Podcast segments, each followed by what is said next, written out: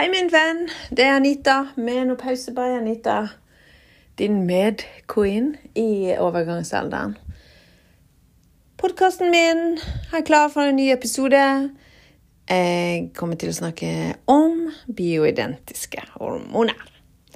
Litt fordi Ja, så popper det opp som et behov for eh, folk. Og så tenker jeg at det her, det må vi jo få litt styr på. Jeg har skrevet en god del om det i, um, på kursene mine, i medlemsportalen, i disse her ulike uh, foraene som jeg har. Og jeg har spilt inn noen videoer på Instagram også, og på TikTok. Og jeg har skrevet om det i boka mi! Ja! Men den er ikke kommet ut ennå, så da må du smøre deg med litt tålmodighet. Bioidentiske hormoner er jo eh, nesten et motebegrep. Det betyr Det er assosiert med noe som er naturlig og veldig bra. Men jeg tror vi skal holde oss litt nøkterne på det her. Vi skal holde oss på eh, La oss ikke miste hodet. Bioidentisk betyr likt kroppen vår. Og her er det da snakk om særlig hormoner, som da eh, vi skal tilføre kroppen, og som skal være likt, angivelig, identisk med det vi har i kroppen vår. Men faktisk så er jeg litt usikker på om det i det hele tatt kan sammenlignes. Og nå er jeg litt sånn pirkete, men hormoner, det er vanskelig. Det er ganske komplisert. Og noe så enkelt som å bare si at det er likt det som er i kroppen vår, jeg lurer jeg på om ikke vil være å, å eh, undervurdere hormoner. Men iallfall 17 beta-estradiol er et godt eksempel. Det er, den, det er det østrogenvarianten som brukes i den moderne hormonterapien, hvis du velger moderne hormonterapi. Og den er strukturmessig, da bioidentisk i den, i den forstand at det, det, er sagt og skal være likt den, den uh, hormonet vi har i kroppen. Bioidentisk blir da brukt som at dette ikke er syntetisk. Men uh, en del um, av problemet rundt det med bioidentisk er jo at det er mer et markedsføringsbegrep enn det er et medisinsk begrep. For eh, når det kommer til hormoner og hormonerstatning, altså hormonterapi eller menopausal hormonterapi, så er jo det en medisinering. Det er jo eh, noe vi tilfører fordi vi har symptomer på overgangsalderen. Så kan du si at eh, det som er veldig positivt med dette begrepet her, det er at det inneholder en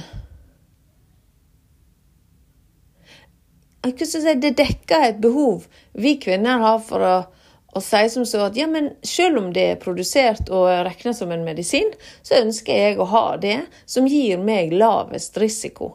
Og det synes jeg er Selvfølgelig skal vi som kvinner eller pasienter få lov å få et produkt som har effekt, og med lavest mulig risiko. Og da er det sånn at Nå har utviklinga gått til vår favør, og nå er det mulig å fremvinne hormonterapi som er laga av planten yam og soya, som er den mest vanlige eh, inn, ja, utgangspunktet for um, moderne hormonterapi. Før, og det er fremdeles litt i omløp, så brukte de jo gravide hoppers urin.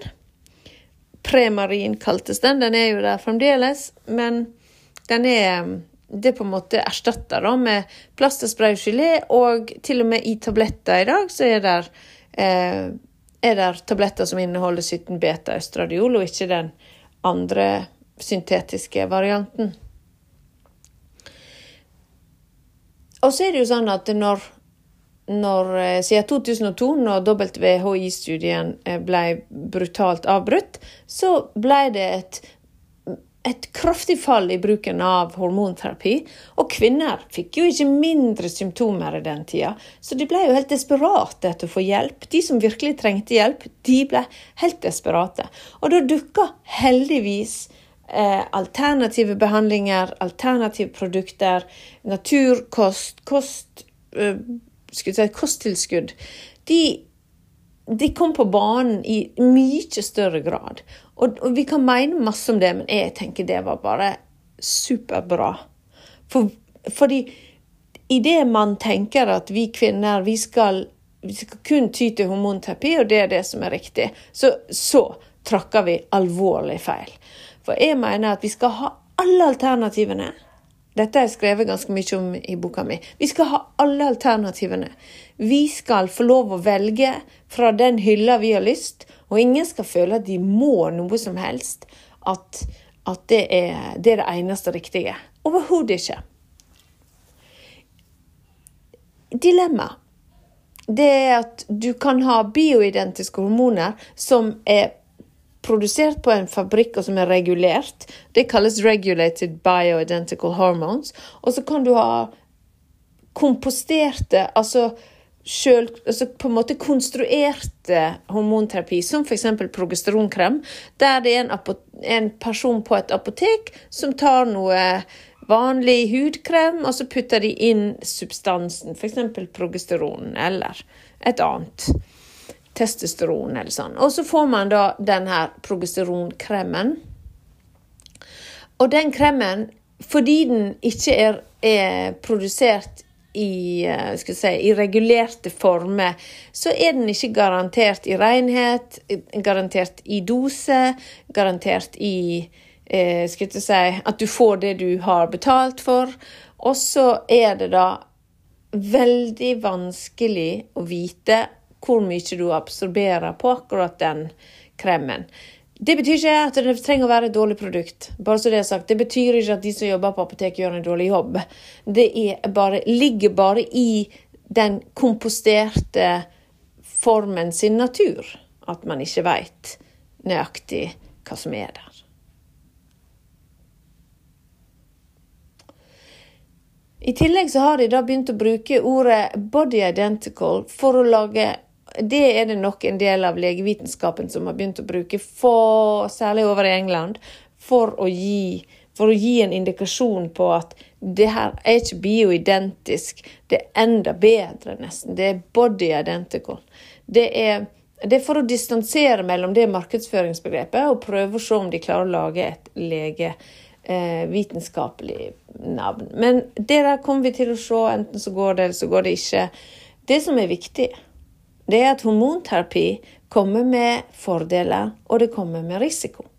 Risiko er individuelt. Og hva du skal gjøre, er opp til deg.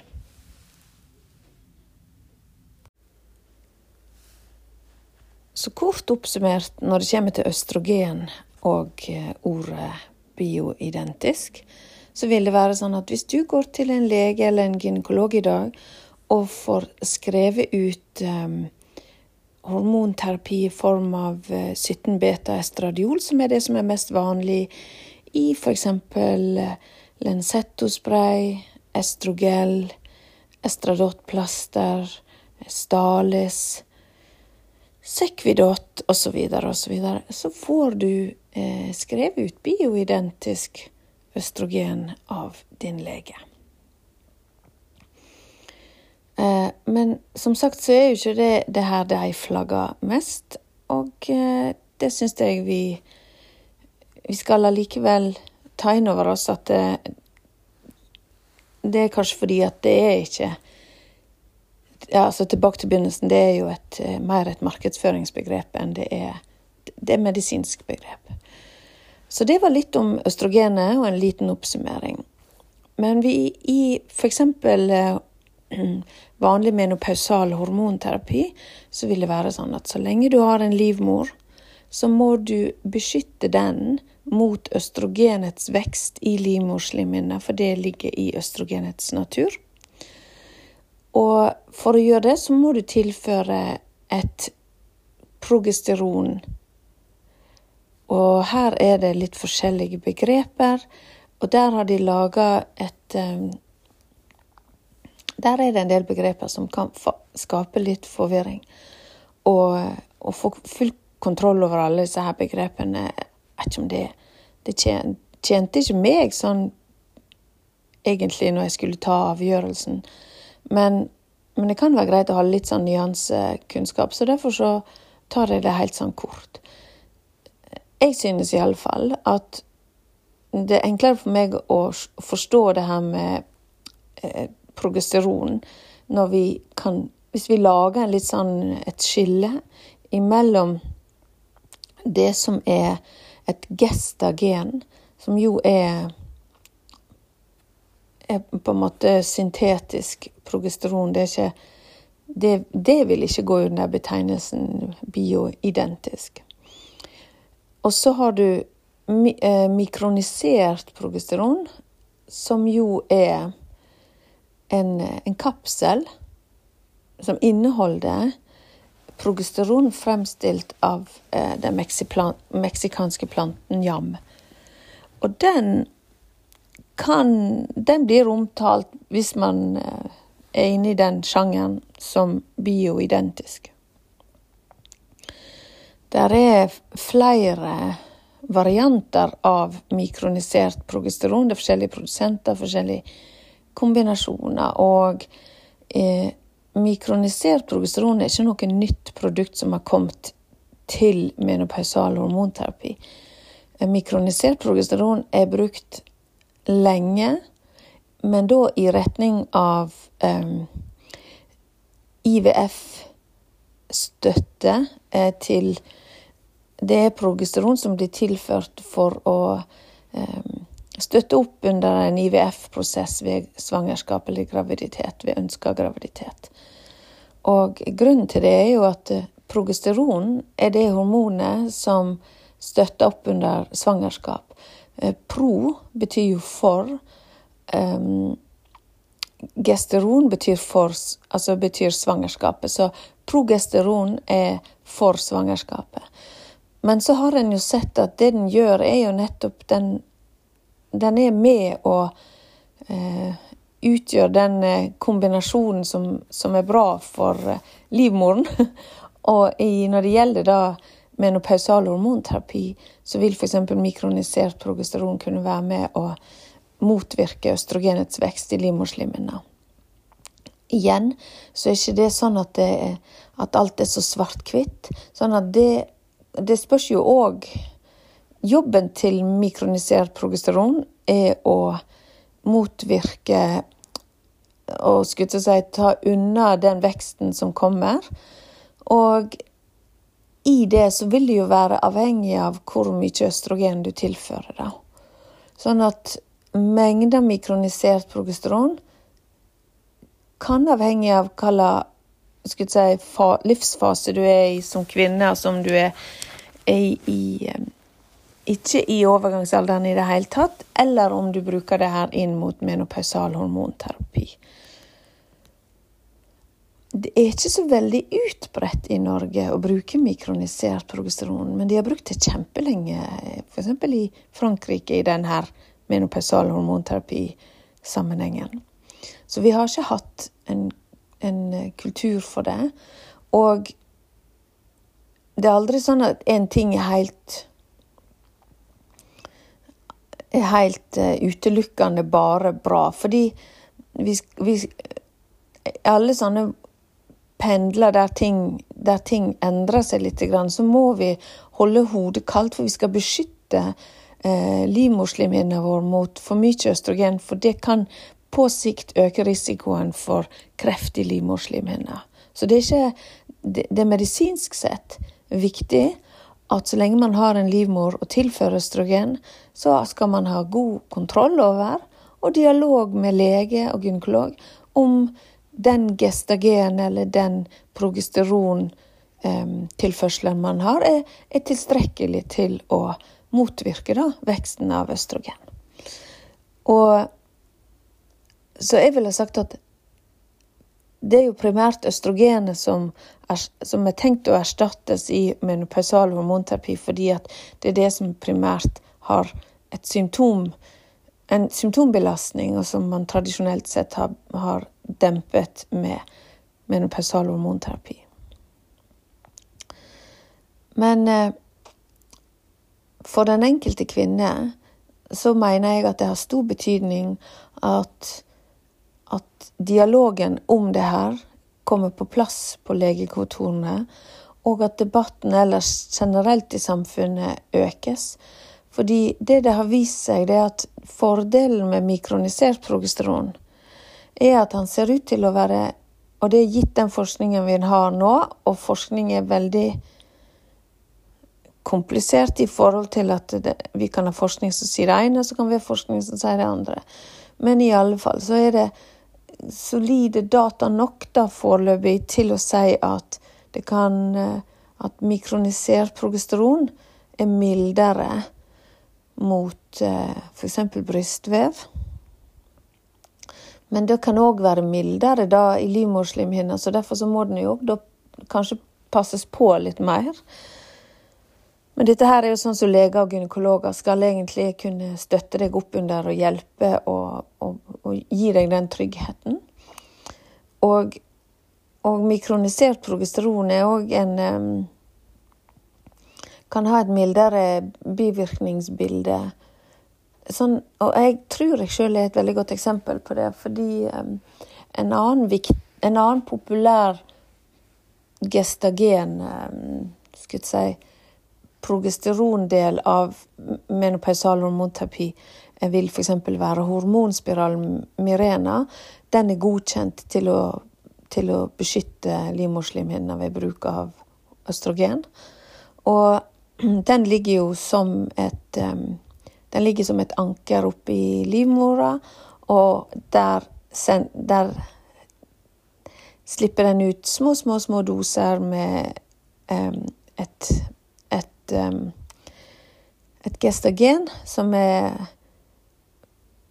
Ja, som, som Ja, vi bare holder det. Et gestagen.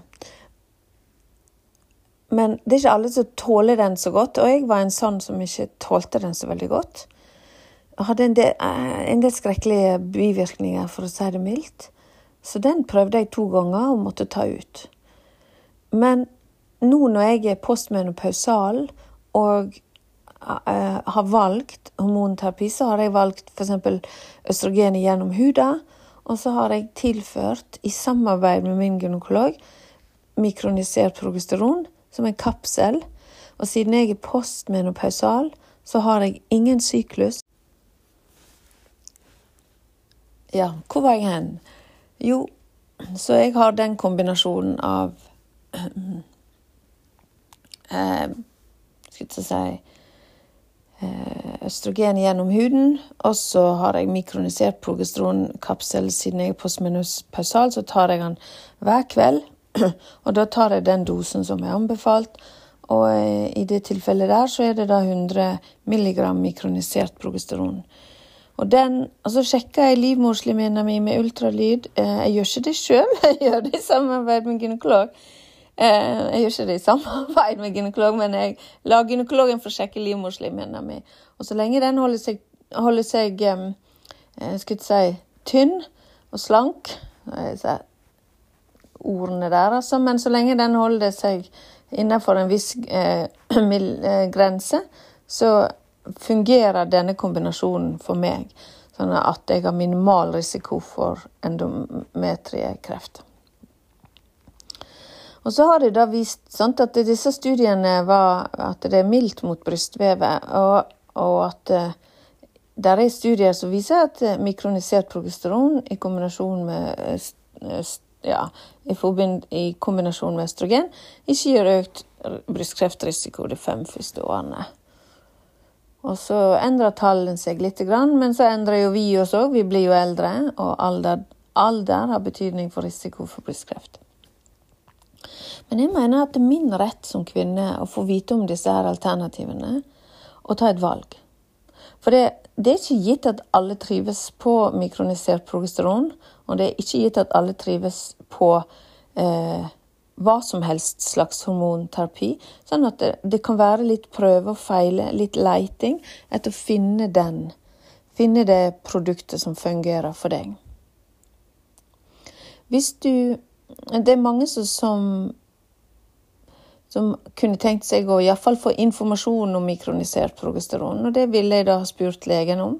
Og hvis du er kvinne som fremdeles har en syklus, men du er i perimenopausa, dvs. Si at du der er en endring i syklus, der er en, en, en symptomer som er knytta til perimenopausa, så vil du nok uh, bruke mikronisert progesteron syklisk. Altså at du tilfører mikronisert progesteron i, i, halve, uh, i halve syklusen. Og så når du slutter med, med det, så kommer det en bortfallsblødning, eller som egentlig er det det er. Det er ikke en mensen, men en bortfallsblødning. Og så tar du østrogen hele tida, og så tilfører du mikronisert progesteron i en syklus. Da vil du ha, vil du ha de samme forholdene som, som med mindre, med mindre assosiasjon med, til fare for brystkreft. Altså at du, du, den er mildere mot brystvevet. Men ikke alle som tåler noe som helst. Det er mange som eh, ikke vet at det er kvinner som virkelig ikke tåler så veldig godt progesteron på et eller annet vis. Noen trives bedre på gestagen. Så vet du hva? Ikke tenk at det er enten-eller. Der er vi kvinner så forskjellige, og behovene er så utrolig forskjellige. Så gå for det som funker for deg hvis du vurderer hormonterapi. og vær, Hvis du først prøver, så må du give it a fair chance. Og ha jeg mener at vi skal ha god dialog med legene som skriver ut, sånn at vi kan ringe hvis vi er usikre på bivirkningene, hvis vi, hvis vi er utrygge. For de tjener ingen at vi får skrevet ut hormonterapi, og så ligger resepter uten å bli henta på apoteket. Og jeg er så lei meg, skråstrek forbanna, for at vi i Norge i dag ikke har en god si, medisinsk dekning av hormonterapi når det kommer til, til um, tilgjengelighet. Fremdeles mangel på en del menopausale hormonterapiprodukter. Det er en skandale for kvinnehelsen, mildt sagt. Nå er det et globalt problem, sånn at vi er ikke alene her på berget om å ha det, denne utfordringa. Og kanskje er vi heldigere enn andre land, men det er for dårlig, og vi trenger å få politikerne som er med å bestemme hvor mye vi skal ta inn, og eh, legemiddelbransjen som òg er med på dette her, til å anerkjenne at dette her er et produkt som vi kvinner eh, trenger. De som bruker det, driver ikke og gjør det fordi de syns det er Det er ikke ungdomskilden. Det er en dyd av nødvendighet for livskvalitet og for symptomlindring. OK. Så det var litt om Det var litt om den delen som er gestagen-progesteron. Jeg går ikke gjennom alle alternativene her. Du kan høre på podkastepisodene mine lenger nede. Der vil du få enda mer info. Så har vi den tredje komponenten. Den tredje komponenten i eh, hormonterapi er for eh, kanskje flere kvinner enn det burde være. Nei, omvendt. Det burde være for flere kvinner enn det er i dag. det er testosterontilskuddet. Så uh, vi kvinner har østrogen, progesteron, testosteron som våre kjønnshormoner. Testosteron er et, like, er et viktig kjønnshormon. Og uh, kvinner trenger erstatning av det òg dersom de har symptomer knyttes til lavt testosteron. De klassiske symptomet er jo lav libido og uh, seksuell dysfunksjon. Men eh, det viser seg at eh, alt etter hvordan en ser på det her, så kan testosteron være vesentlig for energi, for livsgnist, for umf og for eh, selvfølgelig libido. Men eh, muskulatur og, og, og sånne, søvn og, og, flere faktorer. Så det kan hende vi har fullstendig ignorert testosteron, og at vi har et eh, Altså, det er jo ikke kanskje engang, da, men jeg skulle bare være litt forsiktig. Men eh, vi, ok, så vi må rett og slett eh, få opp mer kunnskap om testosteron. Få på plass globalt sett et produkt som er godkjent for kvinner. For i dag så eh, er testosteron noe vi tar ifra det som menn har fått lov å bruke. Eh, kvinner har egentlig eh, ikke et produkt som er tilegnet kvinner, utenom, utenom Andro 5, som finnes i Australia. Og det har ikke vi tilgjengelig her. Så jeg vil si at vi får bare følge med i, i klassen, følge med i timen og etterspørre. I England nå så er det, er det en De driver og prøver å få til å lage et plaster. Testosteronplaster. Så nå kan vi jo snart plastres herfra til evigheten. OK, det var en digresjon. Men jeg skulle, det jeg skal fram til, det testosteronet som vi kan bruke, som er da eh, beregnet på menn, men som vi kan ha en kvinnelig dose av, i kontrollerte former av gynekologlege, eh, det er også per definisjon bioidentisk, da, eller body identical. Og dermed så er det sånn at eh, hvis du da lager den kombinasjonen, så kan du ha en komplett bioidentisk hormonterapikombinasjon for deg. Og dermed så har vi snakka litt om bioidentisk hormoner.